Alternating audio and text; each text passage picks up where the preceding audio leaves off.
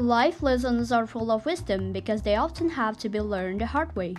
The hardest part about that process is realizing that sometimes not every opportunity lasts forever. Gue langsung masuk ke pembahasan pertama yaitu tentang stereotip. Kalian di sini udah pada tahu belum stereotip itu apa? Kalau yang belum pada tahu, stereotip itu penilaian terhadap seseorang hanya berdasarkan dari persepsi kelompok. Atau bahasa mudahnya bisa kita bilang ejekan, tanggapan tertentu pada individu kelompok yang dikenai prasangka. Misalnya, orang Yahudi yang dianggap pelintah darat dan penipu. Padahal sebenarnya banyak juga orang Yahudi yang ramah dan jujur gitu. Itu salah satu contoh ya. Macam-macam stereotip sendiri yang paling umum di masyarakat kita itu biasanya berbasis pada gender, dan keanggotaan di kelompok etnik atau pekerjaan. Timbulnya stereotip itu gimana? Orang tua dan orang dewasa itu secara tidak langsung sebenarnya udah nanamin stereotip gitu sejak dini. Anak-anak tuh sejak lahir udah diberi label, label sama masyarakat menggunakan nama anak laki-laki untuk anak laki-laki dan perempuan untuk anak perempuan. Misalnya baju deh. Baju bayi kalau yang misalkan yang warna biru itu untuk cowok, kalau yang warna pink itu ya untuk cewek gitu kan. Ada beberapa faktor yang mempengaruhi dan mendorong timbulnya stereotip. Yang pertama keluarga, yang kedua teman sebaya, yang ketiga sekolah, yang keempat masyarakat hingga media massa. Kita ambil satu kasus. Misalnya, kalau di sekolah nih, ada permainan futsal, itu ya buat cowok ya kan? Kalau misalkan tari saman ya buat cewek. Terus kita ambil lagi satu contoh, misalkan dari media massa. Kalau laki-laki itu frekuensi pekerjaannya lebih banyak ketimbang perempuan. Dan laki-laki itu lebih bergengsi daripada perempuan. Itu stereotip ya. Contoh stereotip. And last but not least, gue mau ngasih tahu cara meminimalisir stereotip itu sendiri. Nah, solusinya itu yang pertama, masyarakat tuh harus lebih objektif gitu dalam menerima stereotip. Yang kedua, berpikir holistik.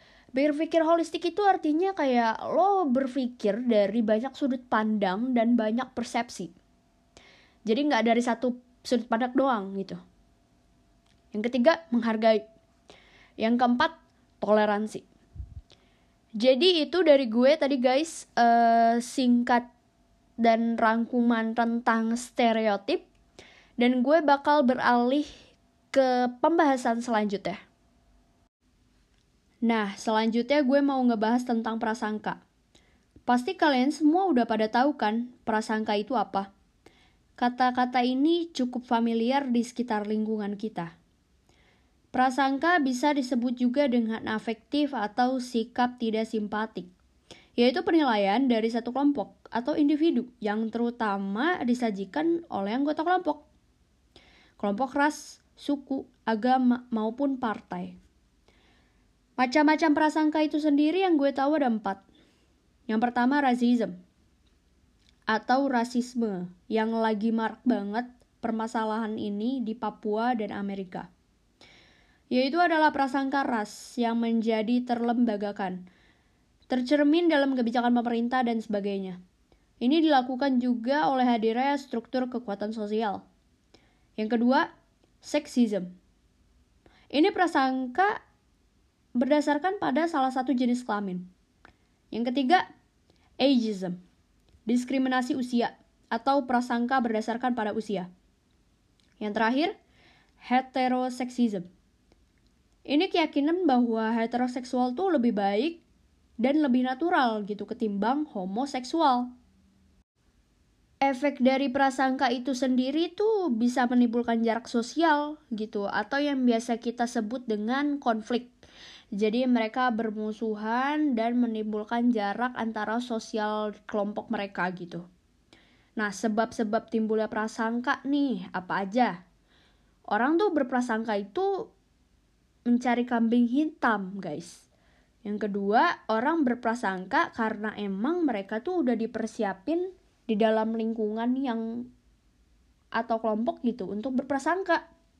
Yang ketiga, prasangka itu timbul karena ada perbedaan. Jadi karena ada perbedaan itu, makanya nimbulin perasaan superior gitu yang merendahkan orang-orang inferior. Yang keempat tuh, prasangka timbul karena kesan yang menyakitkan atau mereka punya pengalaman yang gak menyenangkan gimana sih usaha-usaha kita buat ngilangin gitu atau mengurangi prasangka? Ada dua ya. Yang pertama usaha preventif dan usaha kuratif. Usaha preventif itu apa? Preventif itu kan artinya mencegah. Jadi suatu usaha itu yang mencegah agar orang atau kelompok itu nggak terkena prasangka. Jadi mereka tuh belum terkena prasangka sebelumnya. Tapi kita harus cegah dulu sebelum mereka kena. Yang kedua, kuratif. Ini semacam rehabilitasi atau yang biasa kita sebut dengan penyembuhan gitu ya. Orang yang udah terkena prasangka gitu. Dan kita tuh berusaha untuk menyadarkan orang tersebut. Gitu guys. Jadi itu sedikit informasi tentang prasangka dan gue akan ngebahas tentang diskriminasi. Kalian pasti udah pada tahu kan diskriminasi itu apa? Diskriminasi itu hal-hal yang sangat krusial ya, dan di sini gue mau ngejabarin sedikit tentang detil-detil dari diskriminasi itu sendiri. Diskriminasi itu bisa diartiin kayak perlakuan yang gak seimbang terhadap seseorang atau kelompok berdasarkan sesuatu, dan sifatnya itu kategorikal. Kategorikal itu maksudnya e, berkategori gitu kayak kategori ras, suku bangsa, agama, dan keanggotaan kelas-kelas sosial. HAM itu melarang adanya diskriminasi yang rendahin martabat atau harga diri. Dan kalau dilanggar, itu tuh bisa ngelahirin pertentangan dan nggak adil di dalam kehidupan manusia. Nah, karakteristik lainnya itu ada dua, diskriminasi langsung dan diskriminasi tidak langsung. Kalau diskriminasi langsung, apa heo? terjadi saat hukum, peraturan, ataupun kebijakan-kebijakan yang jelas gitu, yang nyebutin karakteristik tertentu, misalnya jenis kelamin, ras, dan sebagainya. Kalau nggak langsung, apa? Terjadi saat peraturan yang bersifat netral menjadi diskriminatif ketika diterapkan di lapangan, misalnya diskriminasi di tempat kerja, atau sekolah, ataupun pertemanan.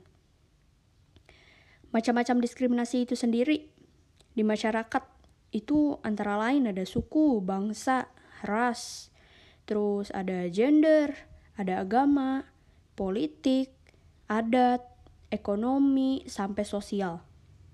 Contoh permasalahannya nih ya, kalau diskriminasi agama pasti udah pada tahu kan ya.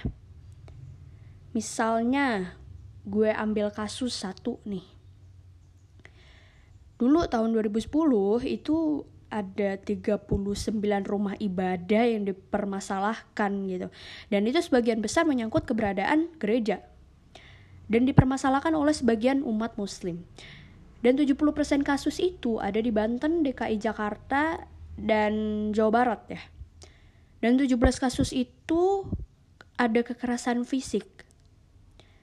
Terjadi gara-gara persoalan rumah ibadah tersebut gitu jadi sebagian dari konflik rumah ibadah tuh kayak berujung kekerasan gitu loh dan e, kasus persoalan ini di tahun 2010 tuh meningkat lebih dari lebih banyak daripada tahun 2009 kenyataannya tuh masalah seputar rumah ibadah tuh nggak cuman nyangkut kerukunan agama ya enggak sih tapi juga kebebasan beragama juga jadi kayak kita harus menerapkan toleransi seperti yang gue sebut di penjelasan saat stereotip tadi. Yang kedua, diskriminasi ras dan etnis. Ras dan etnis di contoh permasalahannya itu kayak di apartheid Afrika, aborigin Australia, sampai Rohingya Myanmar tentang minoritas kaum muslim di Myanmar. Yang ketiga, diskriminasi gender. Kalian pasti pada tahu kan maksudnya apa? Ini perbedaan hak antara laki-laki dan perempuan dalam pekerjaan gitu. Dalam berbagai sektor lah ya. lebih luasnya lagi. Jadi kodrat wanita dikesampingkan gitu dalam aturan konstitusi negara gara-gara ngurusin anak misalnya. Jadi ya emang wanita itu selalu dianggap apa ya istilahnya tuh ibu rumah tangga aja gitu bolehnya nggak boleh kerja gitu. Seakan-akan seperti itu. Nanti gue bakal ngejelasin lebih lanjut tentang the leadership woman in life dan gue akan ngejelasin tentang gender equality di episode selanjutnya. Jadi tetap stay tune ya. And then back at the topic gue mau ngejabarin contoh diskriminasi dalam kehidupan sehari-hari ini. Pasti udah banyak yang tahu lah ya karena di sekitar kita tuh semuanya nggak jauh-jauh dari diskriminasi gitu. Misalnya orang tua ngelahirin anaknya cacat jadi nggak mau ngurusin. Terus anaknya tuh akhirnya dikasih ke panti asuhan padahal kayak gitu juga tuh Tuhan tuh sebenarnya udah ngasih orang tua itu anugerah yang anaknya itu harus dirawat sama dia gitu kan nggak boleh dibuang. Terus yang kedua di sekolah nih guru tuh kadang diskriminasi kan ya sama orang-orang pintar terus orang-orang yang bego atau yang biasa aja malah dibiarin malah nggak dikasih hak istimewa. Padahal sebenarnya hak murid-murid untuk mendapatkan kasih sayang guru tuh sama gitu loh semuanya setara. Yang ketiga nih misalnya uh, di area parkir gitu. Tukang parkir tuh cuman mau markirin mobil-mobil yang mewah doang gitu yang yang nggak mewah tuh nggak mau. Biar dapat duitnya banyak kali ya mungkin. Pikirnya begitu. Padahal sama aja sih. Terus misalnya nih kasus diskriminasi di hmm, tempat belanja department store gitu ya. Kalau misalkan lu perhatiin kalau ada orang yang pakai baju bagus pasti lebih dilayani duluan ketimbang yang bajunya nggak bagus. Ya nggak sih? Nah itu tuh salah satu diskriminasi juga dan lumayan gitu ya. Dan ini ada di rumah sakit misalkan um, kalau misalnya miskin di urusnya tra belakangan kalau yang kaya diurusnya duluan padahal harusnya sama aja dong ya gak sih kita sama-sama manusia sama-sama harus diperlakuin sama tanpa membahas background sosial mereka. Nah, kalian pada tahu nggak sih istilah ODHA? Kalau yang belum tahu, ODHA itu orang dengan HIV dan AIDS. Ya, itu tuh orang-orang banyak banget diskriminasi atau istilahnya kayak nggak mau temenan sama orang ODHA.